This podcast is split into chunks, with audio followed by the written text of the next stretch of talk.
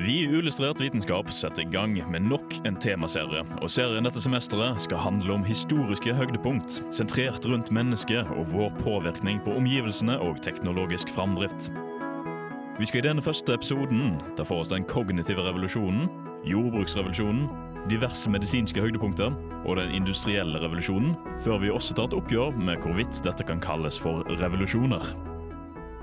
Hallo, hallo, hallo, og velkommen til denne ukas sending av Uillustrert vitenskap. Mitt navn er Andreas, og med meg i studio så har jeg Andreas. Hei, hei. Jeg har Martin. Hallo. Og i manko på en medisinstudent så måtte vi nesten hente inn en til. Velkommen, Hans Ystanes. Du er jo blitt en litt sånn der eh, semifast gjest hos oss. Ja, og jeg, jeg, jeg er kanskje ikke en medisinstudent, men jeg er en dårlig sykepleierstudent. Så på en måte det Ja, blir, Det er vei opp. Det er, det er ikke det det samme, egentlig. Jo, det er i bunn og grunn. Ja. Eh, Vi skal jo gå gjennom en del, eh, en del spennende ting i dag. Eh, Ja. Vi skal blant annet touche på eh, Vi kommer til å ta det i kronologisk rekkefølge. Så vi kommer til å touche inn på alt fra ja, kognitiv revolusjon eh, til industriell revolusjon og alt innimellom der. da Tenker det kan bli eh, veldig veldig spennende. Men Riple, jeg har et spørsmål. Hvorfor er vi på lufta så tidlig? Ja, Det var et veldig godt spørsmål, du Andreas. Jo, bare hyggelig. Eh, Vi har byttet sendetid. Ja. Og nå kommer vi til å sende fremover fra 17 til 18 på tirsdager. Ja, og det er da på DAB+, og radiorevolt.no. Du, eh, du finner oss overalt. Og så havner vi òg selvfølgelig på podkast som, eh, som vanlig. Og jeg tenker rett og slett at vi bare skal ja, ta og gønne på med, med første revolusjon, som det så fint heter. Men eh, før vi kommer så langt, så skal vi høre The Man Who Has Everything av Chance the Rapper. Uillustrert vitenskap er dritkule. Dere er det beste programmet ever. I love you guys. Hilsen super,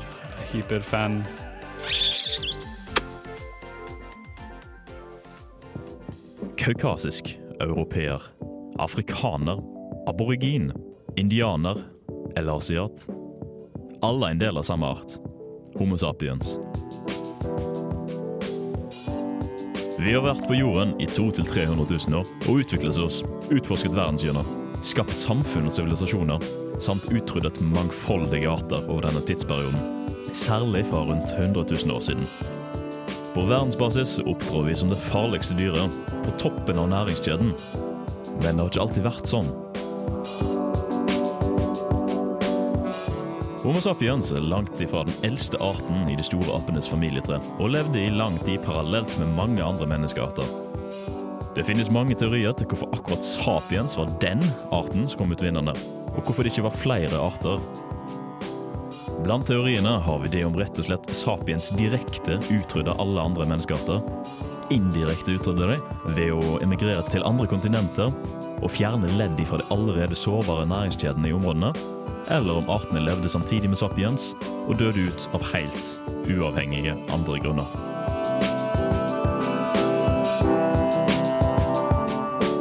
Erstatningsteorien, der sapiens utrydda alle andre arter mennesker etter hvert som de forflytta seg, var lenge den mest etablerte teorien. Inntil det i 2010 ble publisert et fireårsstudie som kartla genmaterialet for europeere, der det viste seg at rundt 2-4% av alt DNA-et hos europeere stammer fra neandertalere. Dette forteller oss at også krysning mellom artene både var mulig og faktisk inntraff. Hvorfor har det egentlig vært sånn at erstatningsteorien var den som var mest dominerende inntil da? Det viser seg at sapiens ikke var noe særlig overlegen de andre menneskeartene på denne tida. Blant annet neandertalermennesker var både større og sterkere, og hadde en større hjerne enn sapiens, men likevel så vant de ikke frem. Dette er mest trolig pga. en revolusjon som skjedde hos sapiens for rundt 100 000 til 70 000 år siden. Der det skjedde store endringer i sapiens sine kognitive ferdigheter. Den kognitive revolusjonen fant sted. Sapiens hadde nå fått evnen til å dele informasjon om omverdenen og om andre mennesker til medmennesker. De kunne skape fiksjon for økt samhold, og de kunne tilpasse seg veldig fort til endringer ved å endre på tankemønstre og ideologier. Vitenskap er kjempegøy, og derfor er også uillustrert vitenskap kjempegøy. Det er kalas, for å si det sånn. Her på Radio Revolt. Ja, det stemmer. Du hører selvfølgelig på Radio Revolt og uillustrert vitenskap.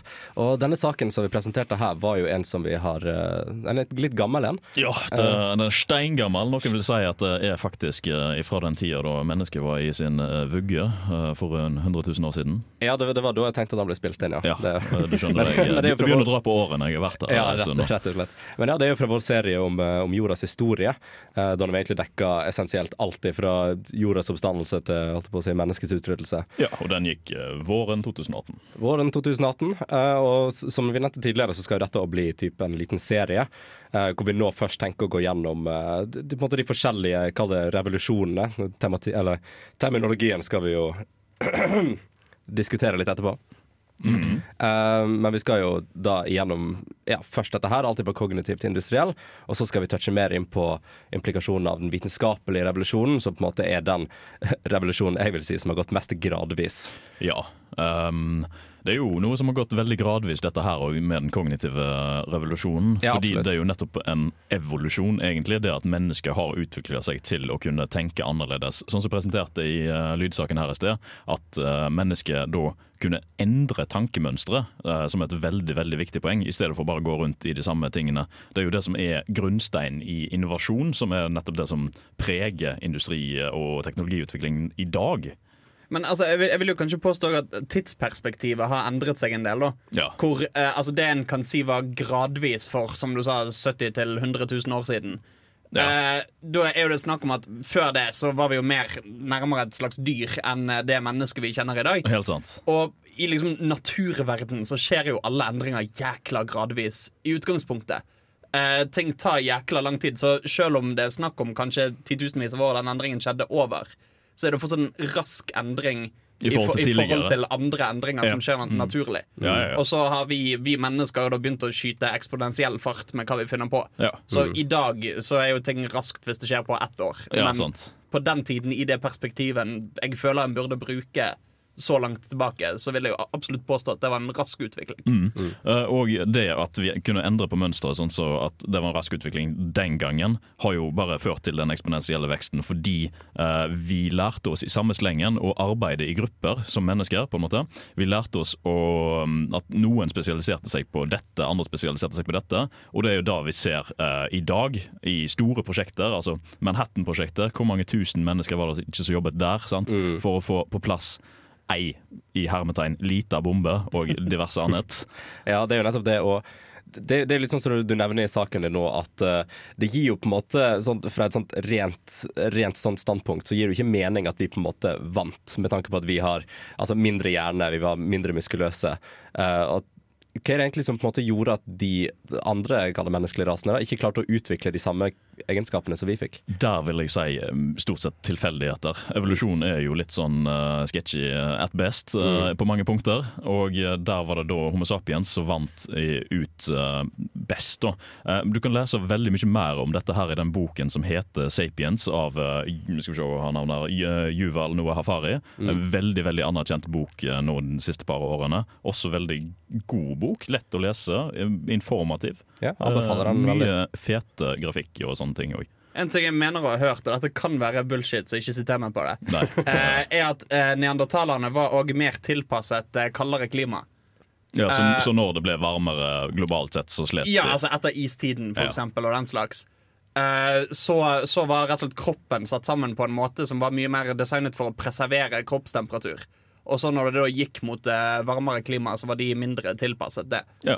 ja, det kan godt hende. Og det som jeg presenterte i den saken her, som er også presentert ifra den Sapiens-boken, er at uh, du har flere teorier, som utkonkurreringsteorien, eller bare rett og slett at uh, det sosiale systemet som man fikk pga. kognitive uh, evner, utkonkurrerte alt, eller bare en delvis merger av flere arter. Som liksom mange teorier om hvorfor vi vant fram og ikke andre vant fram, sammenlignet med ja, mange andre utfall. Ja, det, det går jo mye på nettopp det, i hvert fall, jeg har jo lest den boka sjøl.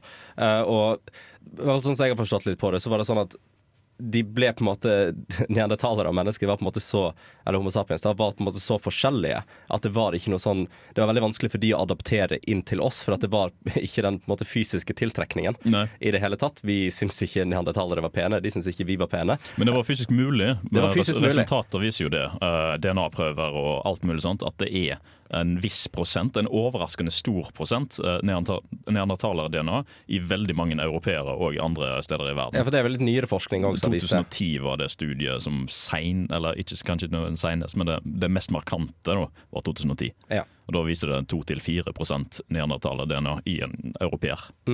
En ting eh, som jeg kommer til å tenke på, og som dette kommer til å høres ut som tull, men jeg, jeg, mener, det, jeg mener det helt Det er sånn hans disclaimer hver Ja. eneste gang. Vet vi noe om penisene til neandertalerne?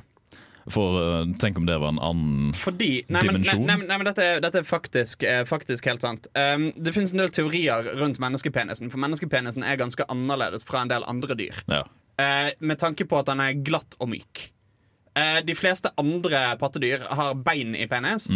Og eh, veldig mange andre har en mye mer ruglete eller ru penis. Er ikke det noe som måtte kan kalles for sånn tagga til noen Jo. dyr som har det? Altså ribbed for her pleasure, skulle jeg si. Og, ja, men det, det er jo nettopp poenget. Det skal være med friksjon, samleie skal være eh, tut og sprut, og så ferdig. Eh, men så er det enkelte som mener at i og med at menneskepenisen er såpass glatt som den er, eh, så er det et poeng i at vi er genetisk eh, skrudd sammen for å være mindre tilfredsstillende. Sånn at vi må bruke lengre tid på et samleie. Og det bygger sterkere familiestrukturer, og at vi kommer nærmere på hverandre og klarer å knytte sånne familiebånd. Man får et Og- helt annet sosialt eh, system ja. og dynamikk. Av at en faktisk må bruke et lite øyeblikk eh, på å knulle og faktisk eh, tilfredsstille en kvinne, versus å bare sånn inn, ferdig. Ja, sant. Det er jo utrolig fascinerende. Det jeg liker best med den kognitive evolusjonen, er jo konsekvensene av det. Altså det sosiale systemet, som vi sier. At vi har en, en, ja, en artsoppførsel som er helt umatchet noe som helst annet på jorda. Man har et sosialt system som ja, rett og slett bare er unikt. Og dette fører jo da med til videre innovasjon og videre økning i Ja, teknologiske det, det er jo absolutt grunnlaget for på en måte, alle andre revolusjoner. Ja. Vi måtte jo på en måte starte et sted. Og, altså, det, vi kommer jo litt inn på det når det kommer til altså, jordbruksrevolusjon og sånt, men det er jo en, blir jo en direkte konsekvens absolutt av den kognitive. Det at vi Uh, blir en familie, blir mer sosiale, vi, liksom, vi, vi samler oss i flokk. Ja. Det gjør jo at vi etter hvert er nødt til å slå oss ned. Og at vi da kan liksom benytte uh, ressursene rundt oss. Ja, sant. Uh, og eh, bare sånn for å gi et lite bilde om uh, hvor stort uh, de, denne forskjellen er. Altså, Homo sapiens er jo lite overlegent en sjimpanse én mot én fysisk. Eh, men hva en person kan utrette, er litt annerledes. Og Dersom du skal lære dette her opp òg, da, 10 mot 10, 150 mot 150, 1000 mot 1000 eller million mot en million, så ser du jo forskjellen òg i en, denne sjimpansesivilisasjonen og eh, menneskesivilisasjonen på grunn av de sosiale egenskapene vi har nettopp fått gjennom denne revolusjonen. Og det er nettopp det det gjør, det, det at vi var i stand til å kunne benytte oss av, av verktøy for eksempel, så tidlig, det gjorde jo at vi var, på måte, vi var i stand til å jakte på andre måter. Vi var i stand til å kunne på den måten bekjempe, bekjempe rett og slett andre. Da. Eh, men vi skal gå videre litt, og så skal vi ta og høre, høre, høre litt eh, om jordbruksrevolusjonen og hva implikasjoner det har hatt for oss. Eh, så den saken får du rett og slett her. Fordi du er den karismatiske nerden i alle Hollywood-filmer med den karismatiske nerden. Fordi du er en stolt og lojal lytter av uillustrert vitenskap.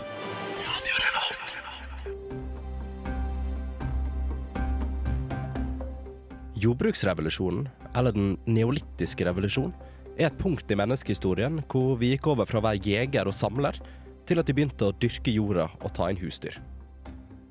Forskere mener at denne revolusjonen, hvis vi vil kalle det det, begynte for rundt 10 000 år siden. Et sted i Midtøsten. De sies å være de første, men rundt samme tid så begynte òg tidlige mennesker i steinalderen å ta det i bruk rundt om i hele verden. Mye av grunnen til hvorfor vi plutselig begynte med dette, er litt i diskusjon ennå. Flere forskere mener at det var pga. klimaendringer, og at jakt og samling ble mer utfordrende på forskjellige årstider. Andre mente at grunnen kom av en konsekvens av at vi utvikla oss på det sosiale, og begynte å slå oss ned, som da gjorde at ressurser i området rundt ble tømt. Uansett så er det ikke bare den plutselige overgangen til dyrking av jord og husdyr som definerte utviklingen av jordbruk. Som er hvorfor jeg nødig vil kalle det for en revolusjon, siden det var i konstant utvikling. Mye av utviklingen kan defineres med hvilke planter og mat som vi klarte å lage sjøl, samt hvordan vi pløya og gav næring til jorda. Noe av det første vi klarte å domestisere, var bl.a. hvete og erter. Og noen av de første dyra vi domestiserte, var kuer og villsvin, som etter hvert ble griser.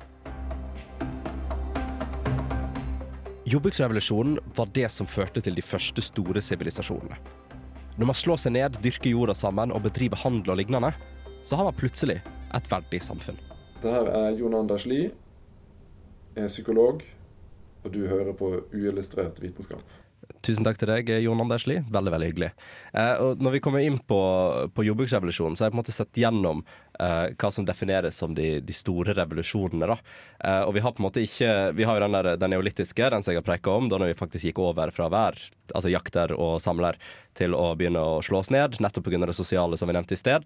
Eh, og fordi at det rett og slett var mer praktisk. Vi kunne, vi kunne være samla, vi kunne ha en familie og samfunn osv. Ja. Men der, der, akkurat der har jeg hørt en litt annen teori òg. Um, um, lurer på om det var Markus som vi bor med, som kom med den teorien. Ja. Om at det var mye påvirket pga.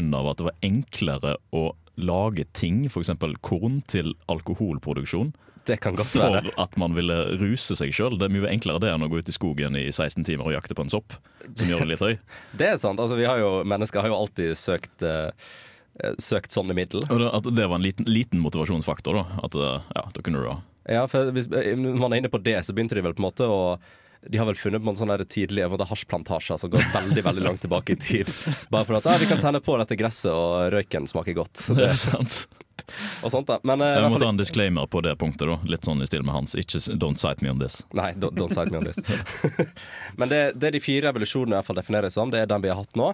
Uh, men den neste på en måte revolusjonen skjedde ikke før uh, 1700-1800-tallet, som Martin kom inn på litt senere. Eh, det at vi begynte å ta i, ta i bruk mer teknologi, jordbruksteknologi. Vi kom etter frem, vært frem med kunstgjødsel og ting som det. Og det gjorde jo at Altså, det, det vil jeg heller kalle mer revolusjon. Mens den neolittiske og sånt er jo ting som har utvikla seg over tid. Eh, der har vi jo etter hvert Det har jo oppstått nye planter, det har oppstått nye ting, uh, nye kall det dyr som vi har klart å domestisere. Og det, det igjen har ført til at vi har blitt bedre og bedre på det over tid. da. Uh, og revolusjon nummer tre og fire kommer i veldig mye nyere tid. GMO er blant annet det som er satt som nummer tre. Ja, det det er jo- veldig nytt.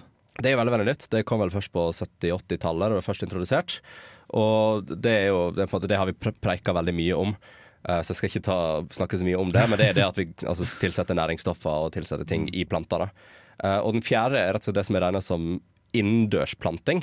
Eh, som går på en måte bort ifra litt sånn teknisk bort ifra tanken om GMO, hvor vi i stedet for å modifisere plantene mer enn vi gjør, så modifiserer vi heller eh, miljøet de gror i. Ja, At man da har gigantiske drivhus for å mm, sørge for at de ikke er sesongpåvirket Ja. i så stor grad. Hydroponics og sånn.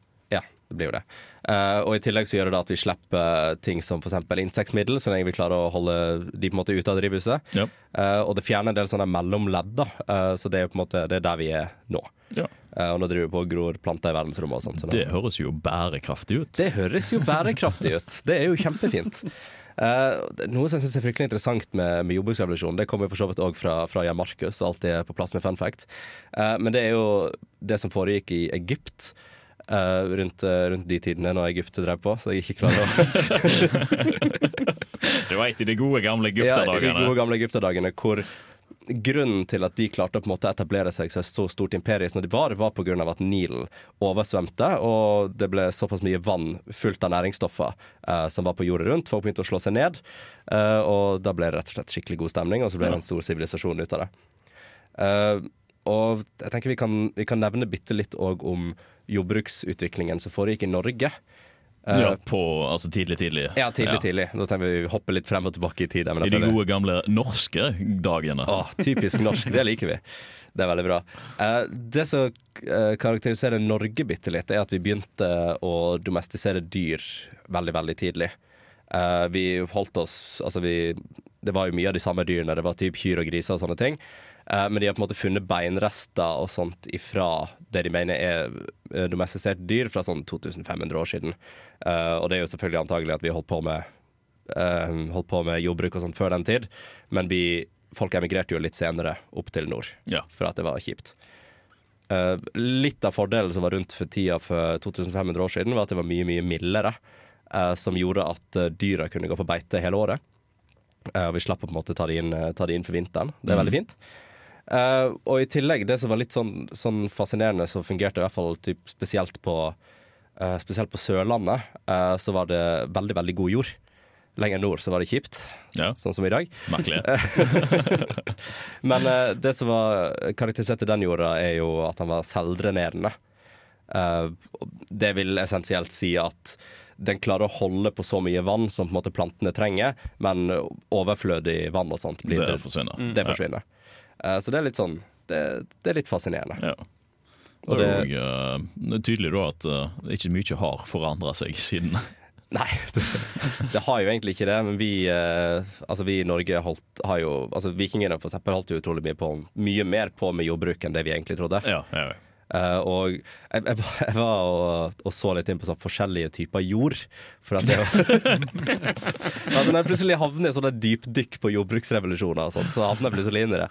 Og det finnes liksom sånn jeg mener det er fem forskjellige kategoriseringer på, på jord, hvor du har liksom den perfekte jord, er liksom sånn selvdrenerende, og du slipper essensielt å grave i det, for det er mykt og deilig å ta i, og så videre. Eh, og så har du Hva for noen jævla fetisjistsider er det du har vært innom? ja, det må jeg si. jord er digg. Gjorde digg. Eh, og så har du da de andre altså kategoriserende, som egentlig bare går essensielt oppover. Kategori én, der er du nødt til å pløye jorda. Uh, og så når du da havner opp på kategori fire og sånt, så er jorda et helvete å gå ikke an å gjøre noe med. Ja. Rett og slett. Fascinerende. Takk for denne kunnskapen. Jo, bare, bare hyggelig. Eh, vi skal komme inn litt mer eh, på medisinske høydepunkter, eh, og se litt på eh, hva for noen store ting som har skjedd i historien der. Men før vi kommer så langt, så skal vi høre På plass av meg.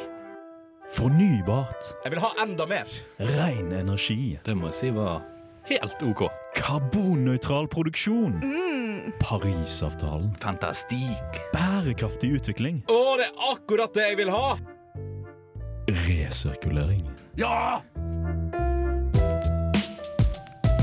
Du hører på ulustrert vitenskap på radio Revolt.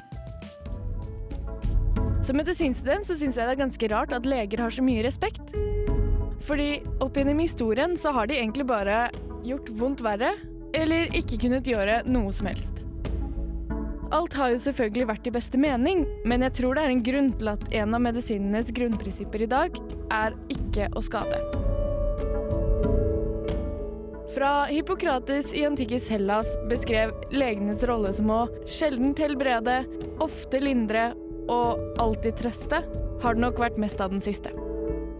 Selv om mange tenkere sånn som Avicenna og Galenius var inne på noe, så hadde de ingen bevis for mekanismene de foreslo, og de kunne ikke bruke det til å behandle noe som helst.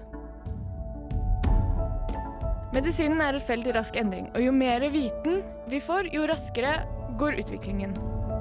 Og ønsket og viljen til å utvikle ny viten har ikke vært mangel på. Det har gjort at det i dag er i større grad mulig å bidra med den derre lindre og helbrede delen. Og nå i det siste har vi også kanskje kunnet legge til en forbedre til det hele. Hello, I'm Lynn Rothschild from NASA Ames Research Center, and this is Unillustrated Science. Det stemmer, du hører jo selvfølgelig på Uillustrert vitenskap. Og eh, Kristine var jo inne på litt der, altså Hvorfor har de fått så mye respekt opp gjennom tidene når de bare har drevet med kødd? Det er jo, jeg vil tippe det er fordi de har hatt muligheten altså på en måte til å gjøre det bedre. Det er ikke alltid det har gått bra. I de fleste tilfeller har det ikke gått bra når de har forsøkt å helbrede. Men de har hatt muligheten, altså, og der kommer le lekmannen. Han kan helbrede deg. Han kan kurere pesten din. Ja, det er jo litt det. Uh, er, det noen, uh, er det noe gøy å snakke om innenfor medisinen hans? Det er masse gøy å snakke om innenfor medisin. Uh, fordi det som det som Kristine var litt inne på i den preproden, og som er ganske artig, at det var jo mange, det var jo mange leger og medisinmenn og sånne folk som var inne på noe, men de visste ikke hvorfor de var inne på noe. Riktig. Eh, hvor de på en måte De har gjort riktig ish-ting. Eh, men de har ikke visst hva som var årsaken. For eksempel I gamle Hellas drev de og smakte på pisset til folk. Eh, for å finne ut hva som feilte folk. Ja, det var litt søtt. Ja. Du har kanskje diabetes, du. Jo, men Det er en legitim måte å finne ut om noen er diabetiker på. Eller det er et symptom på diabetes at Ja. det er sø søtlig urin. Ja. Eh, så, så på en måte inntil eh, en begynte å faktisk kunne ta urinprøver og den slags, så drev en fortsatt i moderne tid og smakte på urin. Mm, den Eh, mannen. Fordi at en må jo finne ut av disse tingene, og en kan liksom ikke få en bikkje til å smake på det og så se hvordan den reagerer. Nei, sant. Det er et problem med det der. Men òg mye av de fordelene som medisin, eller medisin har i moderne tider, er jo at det er gjennomgående kliniske studier Ja. for ting. Altså Ting blir notert ned, resultater blir målt. Man har eh, hypotesetestinger her og hypotesetesting der sjekker om verdiene er innenfor rimelighetens grenser. og sånt. Det er jo noe som man ikke hadde utstyr til for Ja, ja. så masse som sikkert 60-70 år siden. Men altså, altså my, mye, mye innen medisin kommer jo sammen med, sammen med generell teknologisk utvikling. Ja. Eh, det at en gikk fra å bare sånn anta ting til å faktisk ha en vitenskapelig tilnærming til ting, hjalp jo veldig. Ja. Eh, men en ting som var jo veldig stort innenfor medisin, var jo for eksempel em, utviklingen av uh, anestesi. Ja. Uh, altså bedøvelse. Eh, det hadde en jo ikke før på Nei, gi flaskene slutten av 1800-tallet. Gi fyren en flaske med heimert og Ja, ja, ja. sag av han beina. Det går fint. Ikke sant? Så, så folk fikk jo traumer, folk døde av sjokk og anstrengelse. Det var dritvondt. Det var på en måte Det var jævla mye som skjedde, da. Og så fant de ut, fant de ut om ulike bedøvelsesmiddel. Um, kom fått ut at eksempel eh, opium og den slags fungerte bra. En fant ut av eh, og nå må jeg passe meg så jeg ikke blander klorofyll og kloroform. Eh, kloroform er bedøvelsesmiddelet.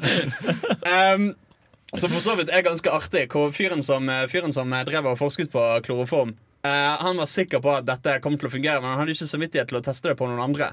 Så han bare tok en klut, dynket det i kloroform, og så satte han seg ned i en lenestol og satte kluten på trynet. Og så sovna han. Eh, og så han kubbet, og til slutt da så kom eh, huspleiersken forbi og bare sånn Hva i helvete er dette? Tok vekk kluten så han våknet. Og hvis hun hadde vært litt senere ut, så var han dauet. Og vi hadde aldri, hadde aldri visst om eh, kloroformen i det hele tatt. Han ofra seg for Ja, ja, ja. Ja, ja. Det Men finnes, det- men det finnes mange tilfeller av det der med å teste på seg sjøl. Fordi i hvert fall i nyere tid så er det jo ikke etisk riktig å teste på andre mennesker. Nei, nei. Altså nye ting som ikke har blitt testa gjennom dyreforsøk, f.eks. Mm. Eller sånn ja, du bør ikke teste dette på en pasient. Selv om man kanskje for eh, da en 100 år siden gikk på galehus og prøvde litt ut. Ja. i stedet for. Men det det er en del gøye historiske ting òg. det, det er jo en del eh, folkeslag som omtales eh, på bakgrunn av mat. Ja. For eksempel eh, Krauts, eh, tyskere osv. Ja. Eh, Briter kalles jo ofte for limeys. Vet dere hvorfor de kalles for limeys? Limes disease. Nei. Ja, det er fordi eh, de var på sjøen veldig lenge, og da Ah. fikk de kjørbuk. Ja. Så Og da hadde de med seg limes. Ja. Ikke fordi de visste om C-vitamin, men fordi at de trodde eh, at eh, sykdom var forbundet med vond lukt. Mm. Stemmer det. Eh, og så eh, var de jo ikke så hygieniske, så det fløyt jo drit rundt omkring på båtene. Eh, som selvfølgelig ikke er bra for en velfungerende kropp og sjel. Eh, og så tenkte de hva hjelper mot vond lukt? Jo, frisk og god lukt. Så de tok med seg masse lime. Men, men den limen, de konsumerte ikke dette? De hadde det bare Nei, for de, jo, de dekor? knask, Ja, knasket det det i seg. Ja. Men nå touchet vi inn på noe viktig her. Ja. Hygiene. Hygiene. Det er jo en av de store eh, fremskrittene. Det var vel på 1800-tallet de fant ut uh, Jeg husker ikke helt hvem, hva han het, han legen, men det var en som fant ut at uh, kanskje kirurger burde vaske hendene før de opererer på folk. Men han, ja, han ble jo egentlig utstøtt fra Som maken, altså. Jeg, Ja. jeg har ikke tatt i noe skittent, si alle de andre. Jeg eller husker ikke navnet på han fyren, men uh, han, uh, han gikk jo spesifikt inn mot um, uh, le leger og legestudenter som gikk rett fra obduksjonsbordet til fødestuene. Oi, nei. Åh. uten å vaske hendene. Så rett etter å ha liksom fistet noen lik, så skulle de ta imot barn. Ja.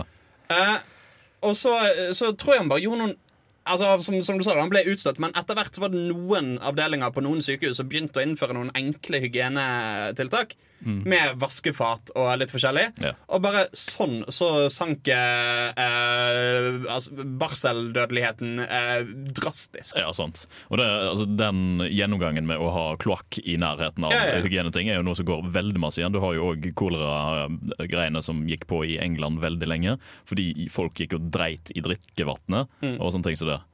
Eh, Jeg kan forresten si at vi har, eh, vi har eh, fått inn en kilde fra Kristine, som følger med. Han heter Semmelweis. Det var det! Semmelweis, ja. Så tusen takk for det. Da har vi fått Jeg, jeg skulle til å si nå sitter sikkert Kristine og skriker Semmelweis i sofaen hjemme. Men jeg kan et annet navn, da. Eh, Florence Nightingale. ja. Mm. Hun er jo veldig viktig, for det var jo hygiene og hvordan man skal behandle skadde på slagmarken. Ja. Det var jo ganske revolusjonerende da det skal vi si, sykepleierordninger som kom inn under Krimkrigen. Mm. Hvordan man skulle behandle eh, skadede soldater på en effektiv og ren måte. ja, sant. Jeg, jeg føler at eh, det, det, man, man kan på en måte ikke nevne eh, medisinske høydepunkt uten å touche inn på noe som vi har vært og snakka litt om før, nemlig humoralpatologien, Ja, lol. som er min sånn favorittgreie. Moralpatologien. Humoral. Eh, og det det rett og slett gikk ut på, det er en av de på en måte Kall det i moderne tid har vært den trenden innenfor medisin som har vart lengst. Eh, for det starta i antikken, eh, om jeg ikke tar helt feil, eh, og varte sånn cirka frem til midten av, eller tidlig 1800-tall, eh, hvor man gikk ut ifra i hvert fall typ vestlige europeiske leger. Da. Det var jo annen praktisering i type Asia og Afrika og sånne ting. Men hele, altså Hovedgreiene var at vi hadde fire forskjellige væsker i kroppen som dikterte yeah. alle sykdommer og alle humører og sånt vi befant oss i. Og Det var vel gul og sort galle, det var slim og det var blod. Mm. Eh, og når du dro til en lege, så kunne de diktere uh, hvilken av disse her du hadde mest av, og hvilken du hadde minst av, og det definerte hvor syk du var, og om du var deprimert eller hva du var. Men vil man kalle dette her et høydepunkt, eller vil man kalle det et høydepunkt at vi gikk bort ifra dette? Ja, for det, det er jo det de på en måte regner den overgangen til kall det moderne medisin. Ja. Det er etter humoralpatologien. Ja, så når man slutter med det. Ja, så det er bra at vi er Ja, ferdig med det. det får vi håpe. Jeg vil påstå at Høydepunktet innen medisin òg er um, prevensjon. Prevensjon. Eh, kondomer, eh, p-piller eh, osv. Eh, det at en faktisk har et varsel mot eh, syfilis, gonoré, hiv eh, og den slags, eh, var jækla stort. Og det at en kunne begynne med familieplanlegging. Ja. Eh, at en kunne knulle uten at det ble unger ut av det. Og ja, og generell, den generelle hygienen som kom, at det ble tryggere å leve eh, uten at man døde av ting, Ja, ja. eh, fører jo òg til at mindre barn Ikke sant? Eh? Eh, og så er det to ganske viktige ting til uh, som vi ikke har snakka om. Og det ene er jo penicillin. Det er jo en uh, ganske jeg vil si, nyttig oppfinnelse nå i dag. Ja, for dem, dem ble vel liksom, etter at den ble oppdaga, så ble den allmennpraktisert veldig fort. Ja, eh, Veldig, veldig fort, og veldig mye brukt. Og can you blame them? Nei, nei, nei. altså, litt sånn, Altså, det er jo- Hey, vi har funnet en dings som bare dreper alle sykdommer. Ja. Altså Det er jo fortsatt i dag den, den typen antibiotika vi bruker mest av. Ja. Og det siste, kan dere gjette hva det er? Det har vi heller ikke nevnt. Og hjertetransplantasjon. Eh, vaksiner. Vaksiner, Ja. selvfølgelig. Det er sikkert tusenvis av andre ting vi ikke har snakka om eh, heller. da Eh, du, Men eh, bare for vet du hvilken by som var veldig stor innen vaksiner? ikke Nesodden. Bergen by. Oh, ja. vi, fant opp, vi fant opp lepravaksinen. Hey. Veldig, veldig bra jobba. Eh, vi kommer tilbake med litt mer eh, industriell revolusjon og se hva som har gjort at vi har eh, det samfunnet vi har i dag. Men før vi kommer så langt, så skal vi høre I'm a Don av Henny Cartier. Hva er den lille prikken oppe i himmelen der? Er det en fugl? Er det et fly? Å, faen, det er en På uillustrert vitenskap. Når man skal snakke om den industrielle revolusjonen, som kanskje ikke var en revolusjon, kan det være passende å begynne med en faktisk revolusjon. Mer spesifikt den engelske revolusjonen i 1688. Selve revolusjonen er ikke så viktig for det jeg skal snakke om, men det er resultatet. Det engelske parlamentet hadde gått seirende ut av en maktkamp mellom dem og kongemakten, som dermed økte parlamentets maktgrunnlag. På den tiden var parlamentet i stor grad kontrollert av rike landeiere, og det fortsetter den å være de neste 150 årene. I løpet av disse 150 årene ble landeierne veldig opptatt av å eksperimentere med økt bruk av gjødsel og nye såmaskiner. De rike landeierne ville også investere i land, men der bodde det allerede bønder, og bøndenes land var beskyttet av engelsk lov. Disse lovene kunne kun fjernes av parlamentet, som var kontrollert av rike landeiere.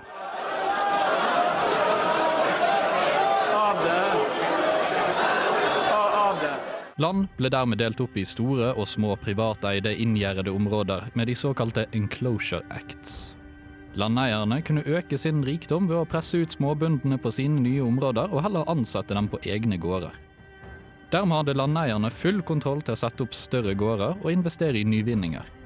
Som konsekvens økte Englands matproduksjon samtidig som andelen produsenter gikk ned. Dermed kunne folk gjøre andre ting enn å arbeide på sin egen gård, og måtte se etter jobb andre steder. England hadde nå et overskudd av arbeidskraft, som er viktig for utviklingen etterpå. Som jeg skal snakke om nå, straks.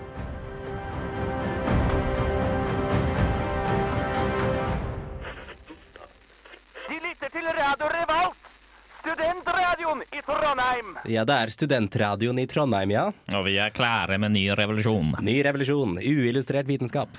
Ja, og eh, det er jo litt sånn som du nevner der. eh, det å liksom ta over, eh, ta over land, presse ut og plage de som har mindre enn oss. Det er vel litt sånn Det ligger vel i menneskets natur, det er helt fra kognitive Ja, Det virker ikke som det var så greit å leve under selve industrialiseringen som det var å leve etter industrialiseringen. Nei. Det var jo litt annerledes den gangen. Det var jo, Hvis du havnet i industrielt arbeid, så var det jo ofte 14 timers arbeidsdager og barnearbeid. og Det var ikke akkurat eh, HMS. Det var Spontan, hørt om. spontanamputasjoner uh, ufrivillig. Ja, ting lå litt løst og litt ute. Og Hvor var HR-avdelingen på denne tiden? tida? Kostet penger, sånn kan ikke vi ha. Nei, det er sant. Men det, det er ikke på en måte én, eh, kall det positiv ting med å være liksom i den alderen, at det var veldig lav Altså det var lite Det var ikke mangel på jobber. Folk fikk vel altså nye fabrikker og på en måte nye ting som krevde folk. Ja, Skapte vel jobbmarked. Det begynte jo så smått ved at folk eh, begynte å jobbe hjemme med ting. Altså at Da hadde du kjøpmenn som kjøpte inn råvarer, og så sendte de det videre til hus og drev en sånn foredlingsprosess. Mm. Det var vel det som ble kalt cottage-industri, tror jeg. Og det var jo på en måte litt sånn tidlig fabrikktendenser. Eh, og så ville jo da kjøpmannen til slutt eh, eh, ta det som var sluttproduktet, og selge det videre. Så du fikk jo ganske rike kjøpmenn. Så det var mye, mye rikdom blant kjøpmenn og landeiere som dermed kunne investere videre i, i ja, maskiner og eksperiment uten å egentlig risikere så mye egenkapital. Litt rolig kapitalisme. Ja, det var jo det var den tiden. Men jeg tror hun skal være forsiktig med å se på det for mye gjennom dagens øyne. Fordi altså jo, jo da, de fikk jobber. Men det var ikke arbeidsledighet som vi i dag har arbeidsledighet. Nei, nei, Eh, det, var ikke, det var ikke snakk om en sånn Faen, nei, guttungen min sitter bare på, sitter bare på reven og eh, plager, plager kyrne. Men nå skal han få seg ærlig arbeid eh, med å jobbe 16 timer dagen i en kullgruve. Ja, det er jeg helt enig Det i. var, det var nok litt mer desperat enn som så. Jeg tror ikke de var så fornøyde. Nei. Nei. Det er jo det, altså Veldig mye av eh, menneskeheten gjennom tidene er jo at man må eh, spise for å overleve, for å komme seg videre. Sånn er det for så vidt fortsatt. Jo da, men man har litt rekreasjonell tid på siden nå i dag. Så man kan gjøre litt andre ting. Eh, Men det er jo det, altså gå i 16 timer i kullgruven, lite hyggelig. Mm. Men vet dere hvor vi startet med fabrikk, eller i England, da, vel å merke, hvor fabrikkvirksomhet ble veldig stort? England. Innenfor hvilken industri? Uh, Fiske. bomull. Bomull, ja. Tekstil. Ja, tekstil. Ja, ja, ja. For da hadde vi jo diverse nye maskiner, som vevemaskinen, som kunne brukes av én person. opereres av en person. Uh, det var på tidlig på 1700-tallet. Seinere på 1700-tallet så fikk vi den Spinning Jenny, som var en mye større vevemaskin som kunne øke produksjonen sånn tre til fire ganger eller noe sånt. Ganske svært. Etter hvert så begynte jo maskinen å bli drevet av vann. Mm. Så den første helt sånn automatiske maskinen, kan man si, da, det var jo vanndrevet. I, eh, eller selvdrevne spinnemaskin, kan man si. Mm. Vanndrevet. Seinere ble den kulldrevet. Eh, det som er litt spesielt med England, var jo det at hvis de skulle drive de her eh, dampmaskinene sine, så trengte de kull. Men det er jo ikke så mye trekull i England. Nei, det er generelt ikke så mye tre der nå. Det er jo et land med lite eh, trevekst, generelt sett. Ja. Ja. Så de måtte grave seg ned. Ja. Og det har de mye av. Ja, der hadde de ganske mye steinkull, som de klarte å bruke etter hvert. Det var jo faktisk ikke noe som var brukbart helt til å begynne med. Nei, for det må jo raffineres til en viss grad, det også. Det er jo ikke Ja. sånn at man går og sparer i bakken og får grillkull eh, holdt på å si, perfekt ut. Ja, nei, sant. Det var, det var, det var ikke... litt i jorda, så kan det ha barbecuefest for hele Ja, nabolaget. ja, ja. Ja, ja, altså, I 1783, det var da de klarte å ja. Få fram Så, så ganske mye seinere enn den Enclosure Acten begynte, egentlig. Ja, det er jo omtrent 100 år seinere, Ja. kan man si.